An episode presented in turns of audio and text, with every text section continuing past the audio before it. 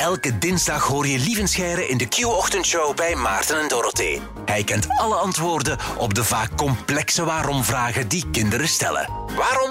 Daarom. Kinderen stellen in een bepaalde fase van hun leven 100 waarom-vragen op een dag. Daarom elke dinsdag rond deze tijd hulp!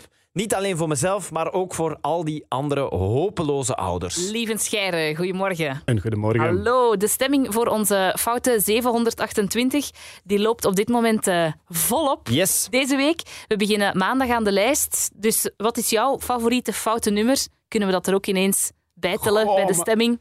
Ik, ehm, ik heb een zeer brede smaak in foute nummers. Ehm, ik, hou, ik hou geweldig van zo de, de, de Vlaamse slager, maar dan niet de bekende, maar de mensen, ja, de mensen die enkel maar op de braderieën gingen zingen. Ja, ja. Maar eigenlijk, misschien ga ik toch persoonlijk voor Manowar gaan. Dat ken ik niet. Manowar. Manowar is ja, van de meest kitscherige metal die er...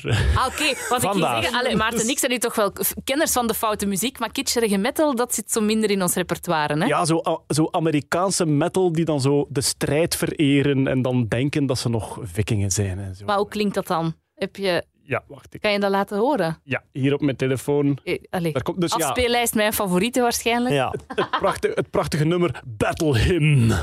Ja? Waarin ze de oorlog vereren. Dat lijkt mij niet zo'n goed plan, maar goed. Nee. Eh, en, Ja. en ik denk dat ze hier net aan het zingen zijn over de broeders die gevallen zijn in de veldslag. Hail to thee, our infantry, still brave beyond the Ja, ja, ja, ja. Dat is intens. Ja, dat is, Allee zeg, nu Dat is- leren we je toch weer wat beter kennen, lieven. dat is zo heerlijk om je mee te brullen. Ja. Oké. Dat komt dan zo in eh mei 2020 zo van Spotify. Krijg je zo'n mailtje met de top 5 van dit jaar en dat staat dan bovenaan bij jou. Wie weet. Ik leen graag even uit, lieve, aan mama Charlotte. Die heeft in de Q-app deze vraag van haar vierjarig zoontje doorgestuurd. Hallo, ik ben Liam.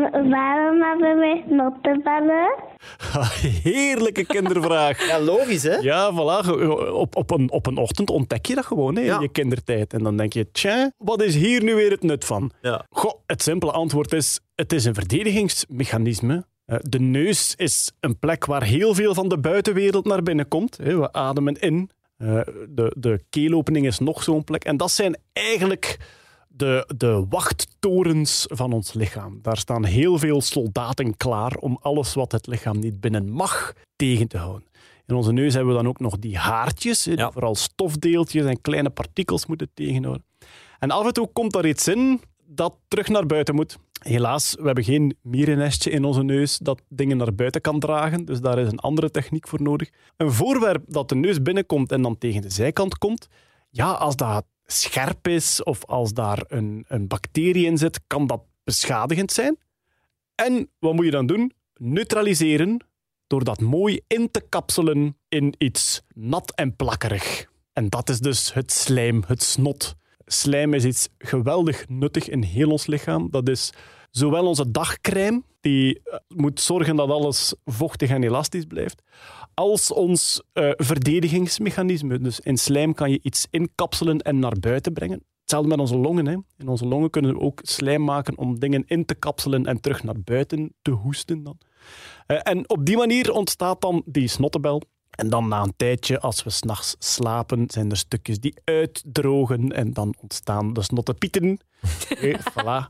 En zo hebben we een heel arsenaal aan dingen die we uit onze neus kunnen peuteren. Ehm, wat ik persoonlijk wel grappig vind, is oesters hebben een gelijkaardig mechanisme. Ah ja, daarom noemen mensen dat ook eh, snottebellen. Mensen die niet graag oesters eten. Ah ja, maar... de- Dat wordt toch soms Ah, wel, gezegd? Ik eet zelf eh, heel graag oesters en ik noem dat ook met veel liefde de heerlijke rochel van de zee. Ja, maar het heeft die structuur ook, hè? Ja, Ja, het is, het is ja. toch wel een beetje als je, allee, ja, als je Ja, ja. wat taaie slijmen hebt en gerocheld in de zee en geschept en terug op Yep. met een schelpje. Ik denk dat het ongeveer hetzelfde is. Ja. Smakelijk. Yep, yep, yep. Maar ehm, ik, ik, ik apprecieer het eh, immens. Ja. Maar ja, de oester heeft eigenlijk een andere manier. Die- Ja, zo, een oester is, is, het is een weekdier. Dus als er, als er een zandkorrel of een scherfje van een schelp in die oester komt, kan dat die oester kwetsen. Dat kan sneetjes maken.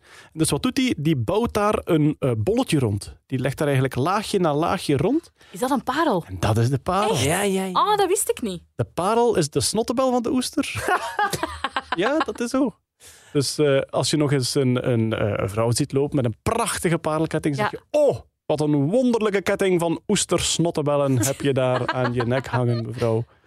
Dat, dat vind ik altijd leuk, zo dingen die bij de mens bestaan, dan ook bij andere dieren Ja, gaan zoeken. En ja. dan mensen chockeren door dat De soort waarheid te zeggen eigenlijk. Zoals eh, s s'morgens, als je een eitje eet, dan denk je, mm, kippenmaan stond. Eh, Oh, maar deze is zo'n mooie voor het ontbijt. Ja, prachtig. Ja, prachtig. Dankjewel, lieve Scherm. Maar goed, om samen te vatten. Waarom hebben we snotteballen? omdat de verdediging van je lichaam en je neus er zeer goed in geslaagd is om een vijand buiten te houden. Dit was Waarom Daarom. Luister ook naar de andere afleveringen van deze podcast. Maarten en Dorothee hoor je elke ochtend van 6 tot 10 bij Q-Music.